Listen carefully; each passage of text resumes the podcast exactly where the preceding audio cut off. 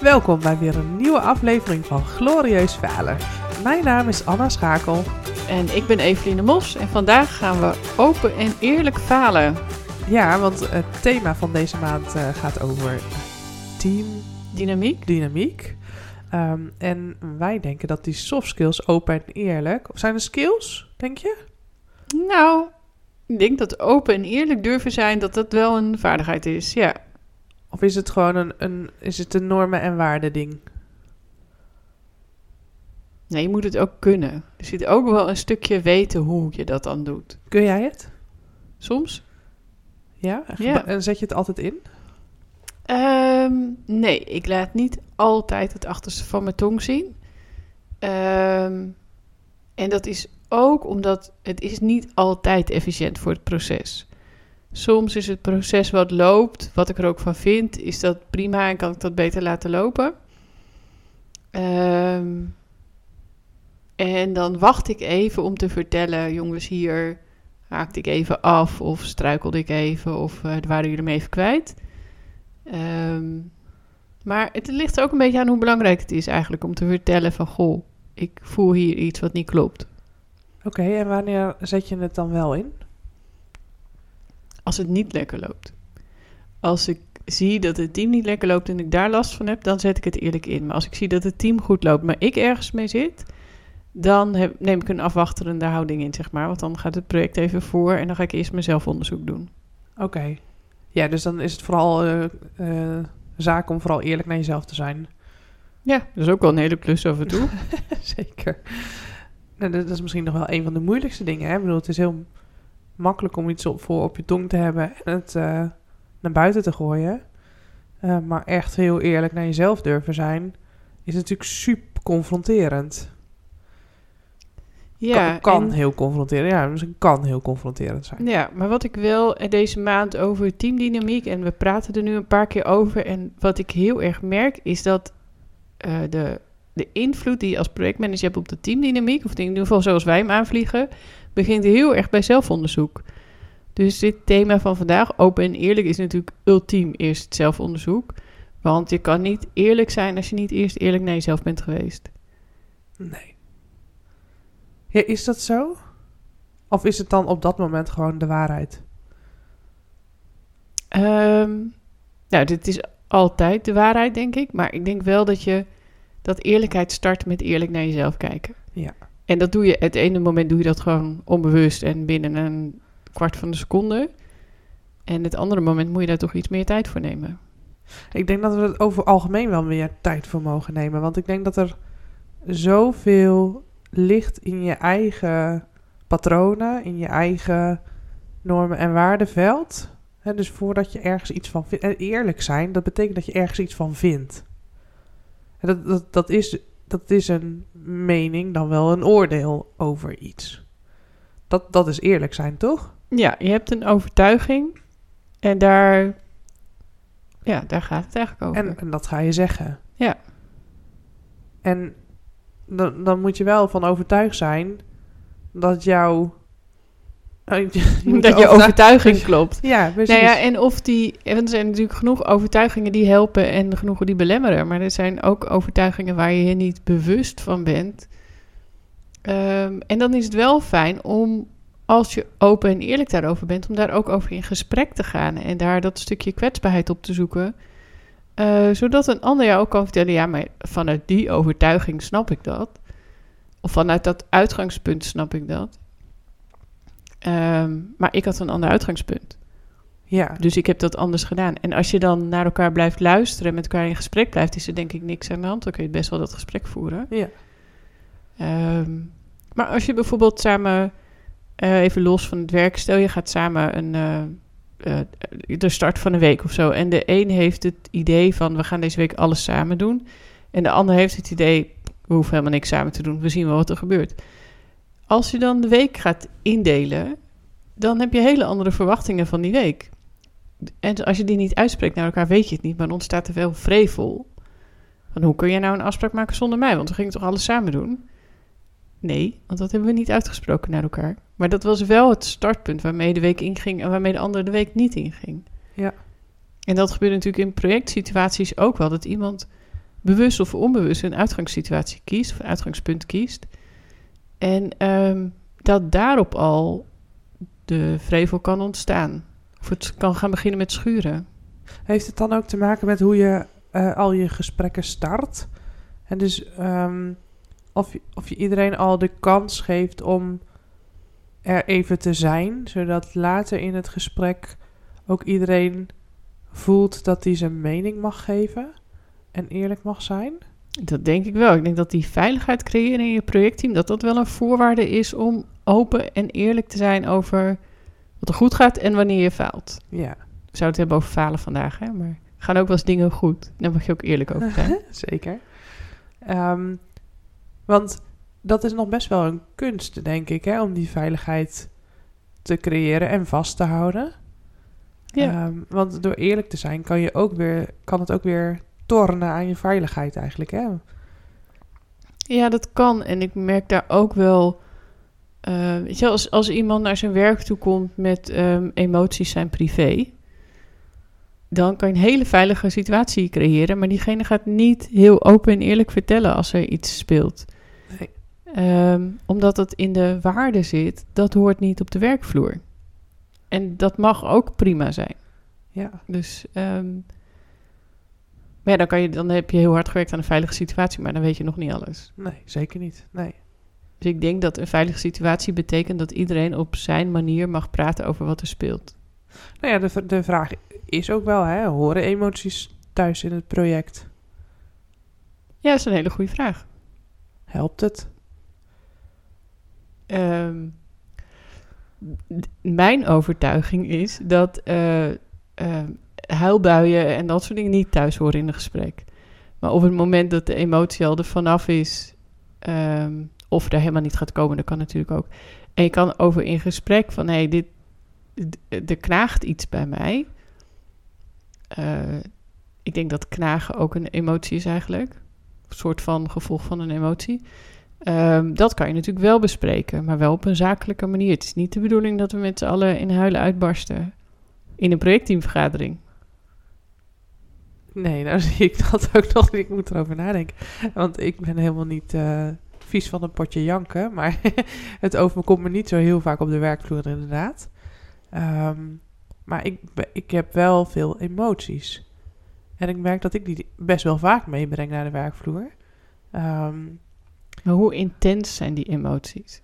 Misschien is dat wel de vraag. Hoe intens zijn de emoties die je meebrengt naar de werkvloer? nou ja, ik moet mezelf af en toe echt wel even inhouden. Dat ik denk, oké Anna, nu, dit is niet de plek om nu eh, emotioneel te worden in die zin. Hè? In, niet per se tranen, want er zijn inderdaad zoveel emoties. Maar ook frustratie. eh, Blijdschap? ehm, ja, nou, ik denk dat ik dat ook wel af en toe temper, inderdaad. Ja. Dat is ook zonde. Nou, nee. Maar ja, ergens is ook, het is, zit iets, er zit een, een waarde zakelijkheid overheen. ja, ik denk het wel. Ja. Ook over blijdschap. Ja, ik denk, ik, en ook wel gewoon inschatten van wat, wat is de setting, hè? Dus wat, hoe zijn andere mensen met hun gevoelens en emoties? Hoe uiten zij die? Kijk, als ik, ik ben best wel een outspoken, denk ik. Ja, als je, dat, je, je kunt het wel van mijn gezicht aflezen als ik iets niet leuk vind of wel leuk vind. Dus het kan ook too much zijn. Daar probeer ik wel rekening mee te houden dat dat niet zo is. En dat vind ik niet per se zonde. Ik denk dat het gewoon inleven in de situatie is. Ja, dat is zo. Ja. Maar het is wel iets om over na te denken. En als jij een, ehm, als je het gevoel hebt dat je faalt, vertel je dat open en eerlijk? Ehm, ik zal misschien nooit gelijk de bewoording gebruiken. Ik heb het gevoel dat ik faal. Maar ik, ik gebruik wel snel de. eh, ja, ik, ik leg dat wel op tafel. Ja, dat ik het idee heb dat het niet lekker loopt. Dat ik misschien mijn rol anders had kunnen oppakken. eh, of dat ik er überhaupt een rol in had kunnen spelen. Ehm, de, de, de vraag, ik leg ook wel gewoon letterlijk neer van eh, de, de, de gedachtegang van... eh, had ik dan nog iets anders moeten doen? Ehm, ja, dat leg ik wel best wel snel op tafel. Ja. En ehm, eh, dat, voelt voor sommige teams is dat nog heel onwennig. Dan merk je ook inderdaad dat ze misschien een beetje stil zijn of ja, op een bepaalde manier kijken van wat vinden we hier, wat vind ik hier nou van. Ehm, maar eh, soms heeft het dan ook even tijd nodig en dan een paar meetings later, dan merk ik, oh, dan komt er wel wat op gang of zo. Of dan kan ik daar ook weer makkelijker op terugvallen, omdat ik dat eerder dan gezegd heb. Dus, dus het effect kan ook wel later optreden. Dat vind ik wel eh, bijzonder om te merken. Maar dat heb ik ook moeten leren. Dat ik dan niet gelijk op dat moment, als ik dus iets uit, dat ik dan gelijk een reactie terug moet krijgen. Van anderen. Van anderen, ja. Is er wel direct een reactie in jezelf? Ehm, ja, opluchting is zeker wel. Ik, ja, ik, ik lucht wel echt op als ik iets, als ja, letterlijk iets van mijn hart is. Ja, dus het afwachten zit echt in de wanneer gaat de ander reageren op wat ik nu heb verteld. Ja. En zet jij het open en eerlijk je verhaal vertellen ook in als interventie? Ehm, ja.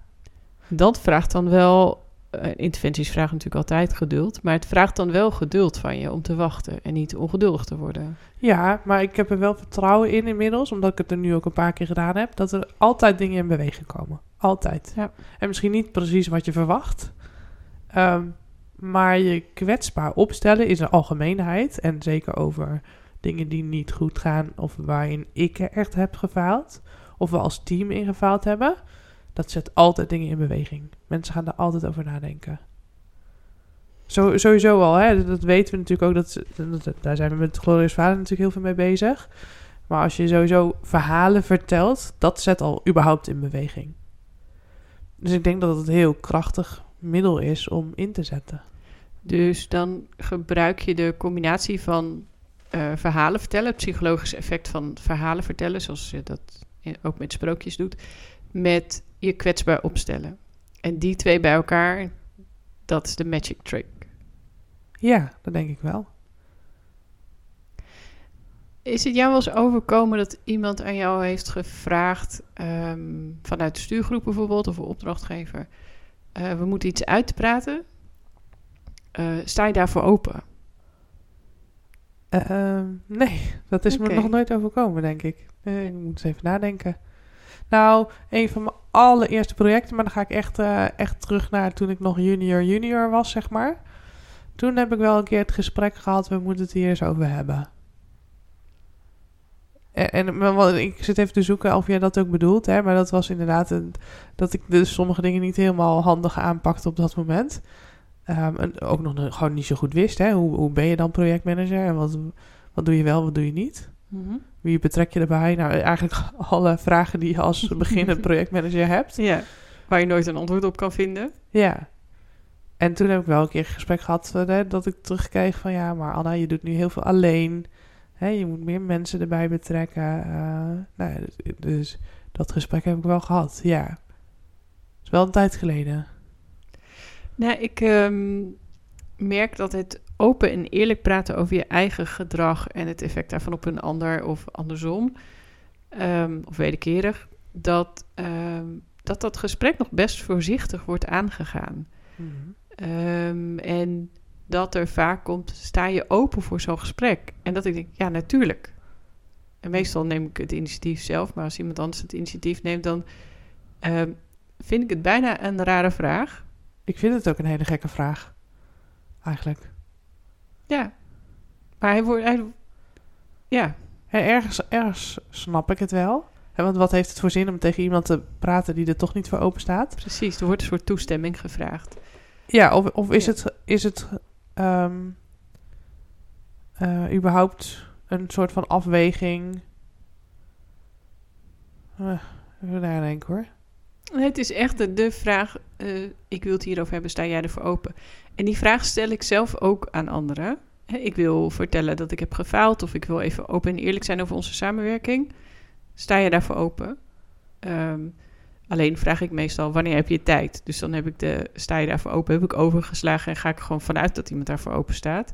Maar ik merk dat als het andersom is en mij wordt gevraagd, dat de eerste vraag is sta je ervoor open en dan heb je er tijd voor. Um, wat bij mij dus wel daardoor realiseer ik me dat lang niet iedereen ervoor open staat om te open en eerlijk te praten over falen, kwetsbaarheid, emoties en um, daar de juiste afstemming en het juiste intunen van te zoeken. Dat is soms nog best wel lastig, helemaal als je open en eerlijk wil zijn in een team. Ik vraag me af wat de vraag überhaupt niet allemaal triggert. Als iemand aan mij gaat vragen, sta je ervoor open? Ik denk dat ik dan gelijk, eh hup, dichtschiet. Want dan gaat er in mijn hoofd van alles. Nou, wat zou er allemaal wel niet aan de hand zijn? Eh, hoe erg kan het zijn? Ik doe het allemaal fout. Ik denk dat ik er minder open voor sta dan Oh, als, ze de, als ze de vraag juist gewoon niet stellen. Maar ik ga het- dan helemaal open. Ik heb het liefst... Ja, nu, direct. Ik heb nu tijd. Ik schrijf alles uit mijn agenda. Oh ja? Nee, Ja. Het, het triggert bij mij van alles, die vraag. Maar dat is wel grappig. Dus hij kan ook nog twee kanten op... Ja. en misschien nog wel meer kanten op eh, bewegen. En daarom, daarom stel ik die vraag denk ik ook nooit. Ja, maar misschien stellen we ook alleen maar de vragen... waar we zelf eh, ja op zouden zeggen. Ja, dat zou.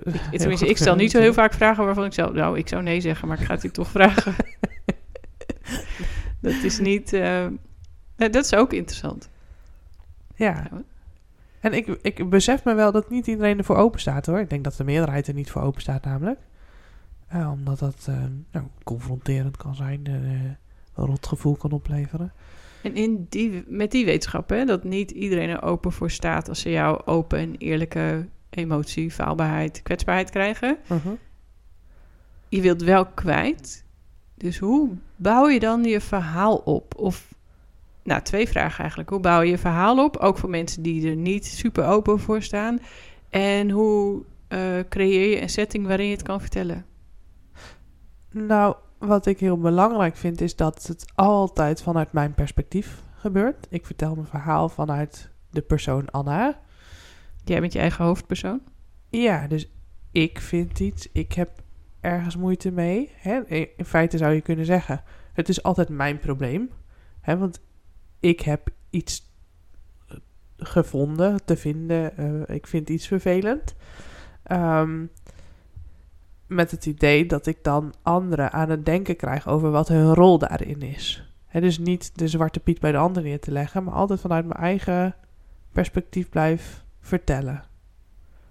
En ik denk dat dat een. ehm, dat dat het meest eerlijk is ook. Want anders leg je het altijd gelijk bij die ander neer. Ja, heel- maar als je met één vinger naar een ander wijst, wijzen de drie vingers terug. Dus dat...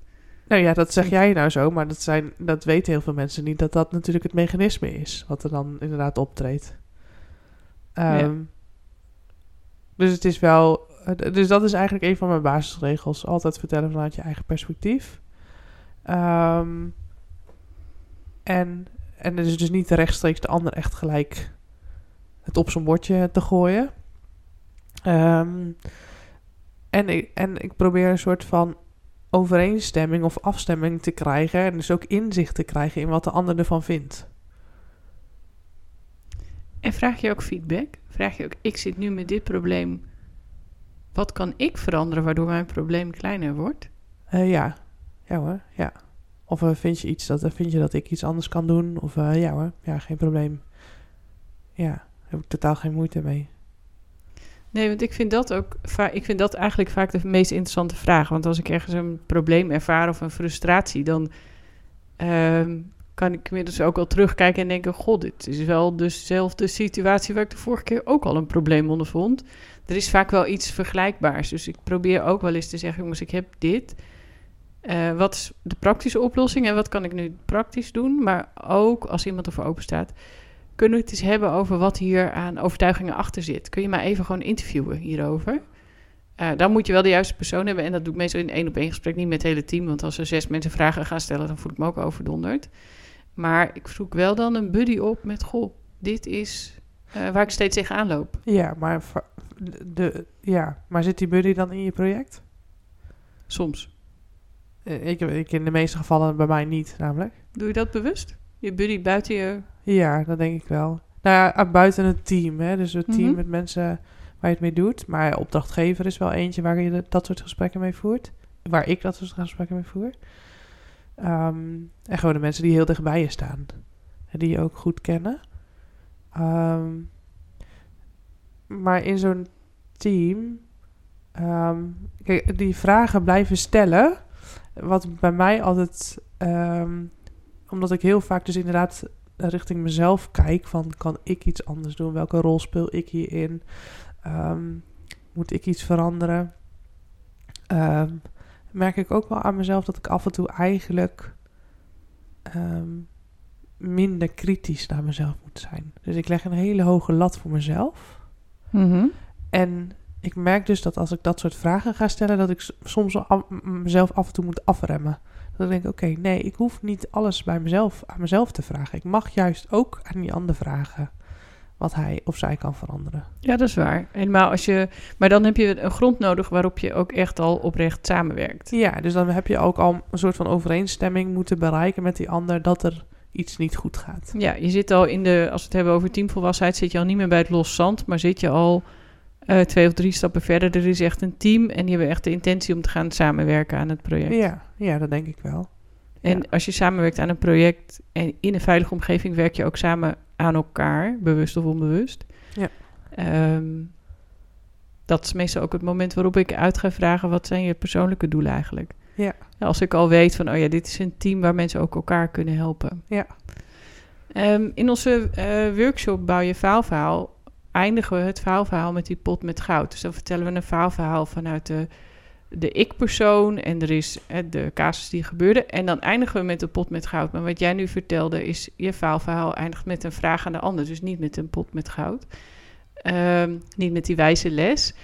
Ehm, dus dan heb je al een ander type... En je kan je faalverhaal natuurlijk op verschillende manieren inkleden. Maar wat altijd centraal staat is, je hebt een hoofdpersoon en dat is de ik. Ehm, je hebt een probleem, een casus, maar dat laatste elementje, die pot met goud, daar kun je dus in spelen, afhankelijk van wat je wil bereiken. Het hoeft niet altijd te eindigen met, dus mijn wijze les voor jullie is. Nee, nee zeker niet. Nee. Ehm, nou ja, je, je wijze les, die neem je natuurlijk wel mee uit je faalverhaal. Ehm, en dat is wel natuurlijk waar je de, de actievraag op kan, hè, de eindigende actievraag op kan inrichten. Ehm, Ja, je zou ook kunnen eh, dat je hem in vieren deelt. Dat je, je hebt de, de ik-persoon en de casus. En dan het rondje vragen aan het team en hoe gaan we. En dan de pot met goud zien als Precies. conclusie van dat gesprek. exact. Ik denk dat dit voor de deelnemers die onze workshop al hebben gevolgd en die drie elementen zijn gezegd, wel interessant is dat ze daar nog mee kunnen spelen. Ja. Dus ik hoop dat zij dit een interessante podcast vinden. Ja, Eh, maar je kan er dus nog iets tussen bouwen of je kan op een andere manier eindigen. ja, dat denk ik wel. Afhankelijk van wat je, Wat je doel wat je is. doel is, ja, Ja. wat je nodig hebt. Ja. Ja, want we hebben het nu over je faalverhaal vertellen omdat je zelf wil groeien. Maar eh, de andere is natuurlijk dat je je faalverhaal vertelt omdat je de team in beweging wil komen. En dan zit je veel meer op het storytelling en is het misschien ook minder open en eerlijk. Tenminste voor mij, omdat ik dan een verhaal vertel wat niet op dat moment speelt. Nee. Maar dan kies ik voor een Eentje waar de emoties al redelijk vanaf zijn. En Ja. eentje uit het verleden van jongens, dit heb ik al een keer meegemaakt. Dit is het verhaal. En dan kan je via storytelling ehm, die pot met goud laten zien en die beweging creëren. Ja. Maar dat is anders dan open en eerlijk. Nu zit ik hiermee, nu wil ik dit vertellen. Want ik heb nu het gevoel dat ik faal. Precies. En ik heb nu dus vragen aan jullie om mij te helpen. Ja, want die pot met goud moet dan een soort van nog gevonden worden. Ja, en dan kan je over twee jaar in een volgend project... kan je dit faalverhaal weer inzetten. Ja, op, alleen dan, ja, inderdaad. Ja. Dus, maar dat is wel interessant, dat dat eigenlijk een heel groot verschil is hoe je daarin vliegt. Ja.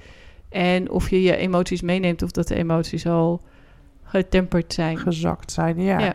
Ja. Want hoe ga je, als je je faalverhaal vertelt, eentje die nu speelt, dus een, eentje met emoties waar je open en eerlijk over wil zijn, ehm, hoe zorg je dan voor het managen van je emoties?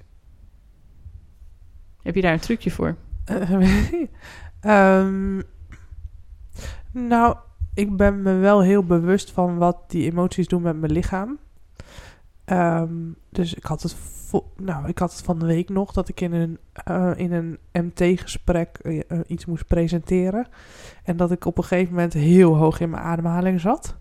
Dat ik dacht, oké, er gebeurt nu iets met me dat ik dus mijn lijf niet, niet gezakt ben, niet gegrond ben. En dat heb ik dus toen ook gezegd. Dus, ik, ik zei, ik, dus ik heb ook gezegd, ik merk ook dat, ik merk dat mijn ademhaling heel hoog zit, dat ik een beetje gehaast ben. En, en mijn zorgen toen uitgesproken van, ik hoop dat jullie me allemaal goed kunnen volgen. Geef het alsjeblieft aan als het niet zo is. Ehm, dus die emoties die probeer ik wel te herkennen. Oké, van wat gebeurt er nu met mij? En wat mag ik daarvan ook gelijk weghalen?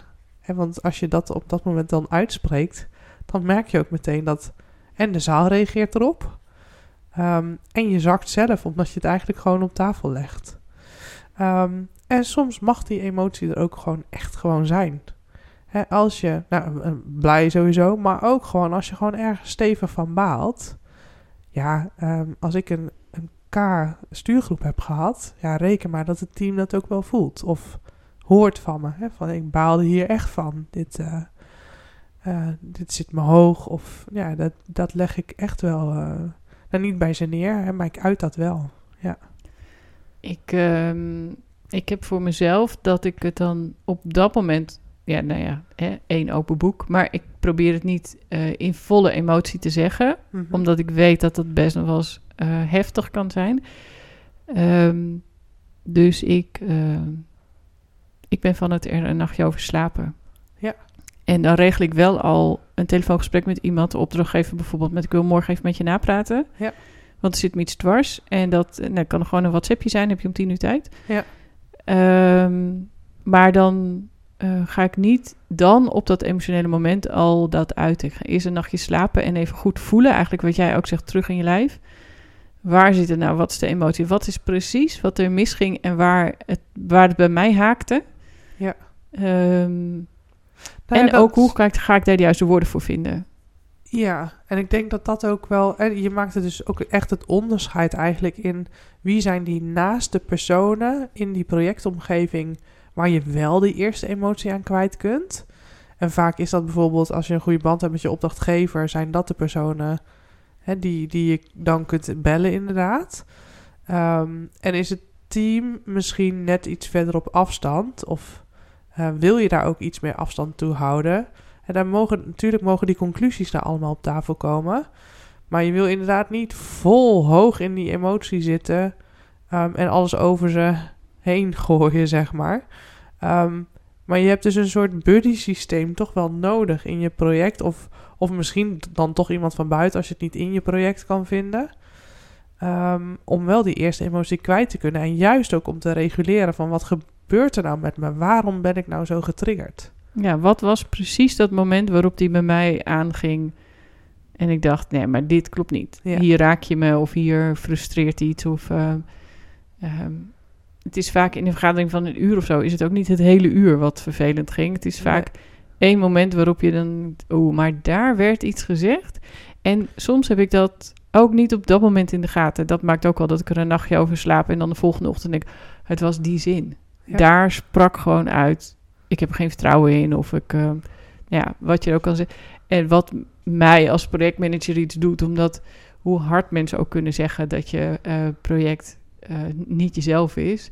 Ik ga er wel vol overgave in. Dus als iemand zegt dat mijn project stom is, dan voel ik hem wel. Zeker. Want, ja. Maar dat is een, een stijl van werken natuurlijk ook, heeft ook niet iedereen. Maar de vol overgave gaan voor je project is denk ik iets wat wij allebei doen. Um, dus als iemand dan zegt, we gaan het toch anders doen, we maken geen keuze, uh, mijn belang is anders geworden, we passen het hele project aan, dan, nou, dan moet ik daar wel echt even van slikken. En dan moet ik er echt even een nachtje over slapen om te bedenken, wat is er nu precies ja. gebeurd en wat vind ik ervan? En pas ik nog bij dit project? Dat is natuurlijk dan ook altijd nog een vraag. Maar waar leg je dan die allereerste emotie neer? Nou, die hou ik in. Die allereerste, ja, ik denk dat ze hem van mijn gezicht af kunnen lezen hoor, want dat gaat redelijk. Uh, maar ik spreek hem niet uit. Ja. Ja. Ik denk dat dat, misschien... het verschil tussen ons is. Ja, dat jij hem is... uitspreekt en dat ik denk, uh, nee, knaagt, ik hou hem even, even binnen. Ja. Eerst even kijken wat dit precies is. Ik moet hem even onderzoeken. Ja. En dat, um, dat merk ik in andere situaties ook hoor. Dat ik kan heel emotioneel worden zonder te weten waar het aan ligt. Dus dan zijn er emoties. Ik kan ook extreem blij zijn zonder te weten waarom ik blij ben. Ja. Dus dat, ja. ja. En dan kom ik er later en denk ik, oh, dit was het. Het was gewoon hele leuke muziek op de radio. Ja. Uh, maar op het moment zelf heb ik dat helemaal niet in de gaten. Nee. Nee, nou, ik vind het ergens wel heel knap. Hè? Dus, maar dat is inderdaad een verschil in karakter, denk ik ook wel. Hè? Dat is meer het extraverte versus het introvertere misschien. Ja, of maar, hoe je dingen registreert en filtert. Ja. Ja. ja. Ja, dus dus het is ook niet dat ik altijd meteen die emotie voel hoor. Dat is ook zeker niet zo. Maar als ik ze voel, dan heb ik ook wel moeite om het, eh, om het niet uit te, uit te... Ik denk dat jij sneller stralen. dan woorden hebt gevonden. Dat ik het langer bij, bij mijn gevoel en dat ik wel al weet waar het in mijn lichaam zit. Ja, Eh, maar ik heb er nog geen woord voor. nee. Ja, en, daar dan, en, dat, en dan vind ik het een goede, goede stap om dan te zeggen... Oké, ik slaap er gewoon even een nachtje over. Ik wil echt gewoon het eerlijke gevoel ook eh, kunnen benoemen... en dat weer meenemen naar je project. Ja, ik vind het wel mooi. En een soort analyse doen of zo. Maar dat is ook mijn analytische kant. Dat ik hem dan even helemaal ga analyseren. Ja, dit werd er gezegd en dan op die toon en En dus deed het bij mij dit. Nou, dat is een veel te lang verhaal. Ehm, dat heb ik dan wel helemaal voor mezelf. Maar breng niet helemaal naar het team. Want dat Nee. hele analytische, daar zit ook niemand op te wachten. Ehm, maar het is wel... Ik heb dat nodig om mijn verhaal, verhaal goed op orde te brengen. Ja. Wat is er nou precies gebeurd? Waar is er nou precies die crux? Ehm, en dan kan ik een dag later of twee dagen later dat verhaal, prima met emoties vertellen. En inderdaad vragen stellen, jongens, hoe kunnen we hier nu mee omgaan? ja, Ehm, hoe doen we dit met z'n allen? Maar er zijn ook ehm, eh, genoeg momenten al geweest waar ik een faalverhaal met een wijze les eh, van kan maken. Voor als dat nodig is in het team. Ja. Ja. Want het is niet zo eh, dat ik niet faal. nee. Maar dat, we zijn... We falen allemaal, toch? Ja. We zijn allemaal falende projectmanagers. Nou ja, en dat, dat wij ons bedrijf glorieus falen hebben genoemd, betekent ook niet dat wij alleen maar glorieus falen. Het gaat Nee. ook wel eens echt falend, falend. Ja. Ehm, maar wel dat we er heel veel van leren. Ja, dat is toch wel de kern. Nou, wauw, wat een gesprek over open en eerlijk. We waren ook wel heel open en eerlijk, hè? Zeker, ja. Ja. Lucht het op? Is het lekker? Ja, het is lekker.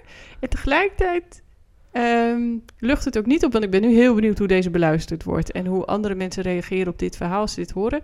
Ehm, ergens kan ik me voorstellen dat mensen zeggen: Oh, hier heb ik allemaal geen zin in hoor. Twee vrouwen die praten over emoties, ik scroll hem door. Eh, maar die hebben dan toch tot nu geluisterd. Eh, maar ook dat er misschien mensen zijn die zeggen: Oh, dit herken ik, ik wil hier een keer over doorpraten. Ja. Dan, ehm, maar nou ga ik iets doen wat we niet hebben voorbesproken. Die mensen Zeg. mogen altijd mailen en dan maken we een afspraak om even te- gewoon een half uur te bellen daarover. En dan eh, Ja. kunnen we daar ook alweer even luisteren en eh, misschien wat leuk. wijze raad geven. Ja, of misschien mogen ze ontmoeten op Clubhouse. is ook Eh, leuk. Ja. Dat is ook een leuke manier om dan meerdere mensen te horen over hoe ze hierover denken. Ehm, je kunt ons ook vinden op onze website of via LinkedIn en Instagram. Volg ons daar. En als je dit nou een hele leuke podcast vond, geef hem dan gewoon 5 sterren in je podcastplayer. En dan eh, hopen we je snel weer eh, te zien, te horen, te spreken. Tot de volgende keer. Doeg!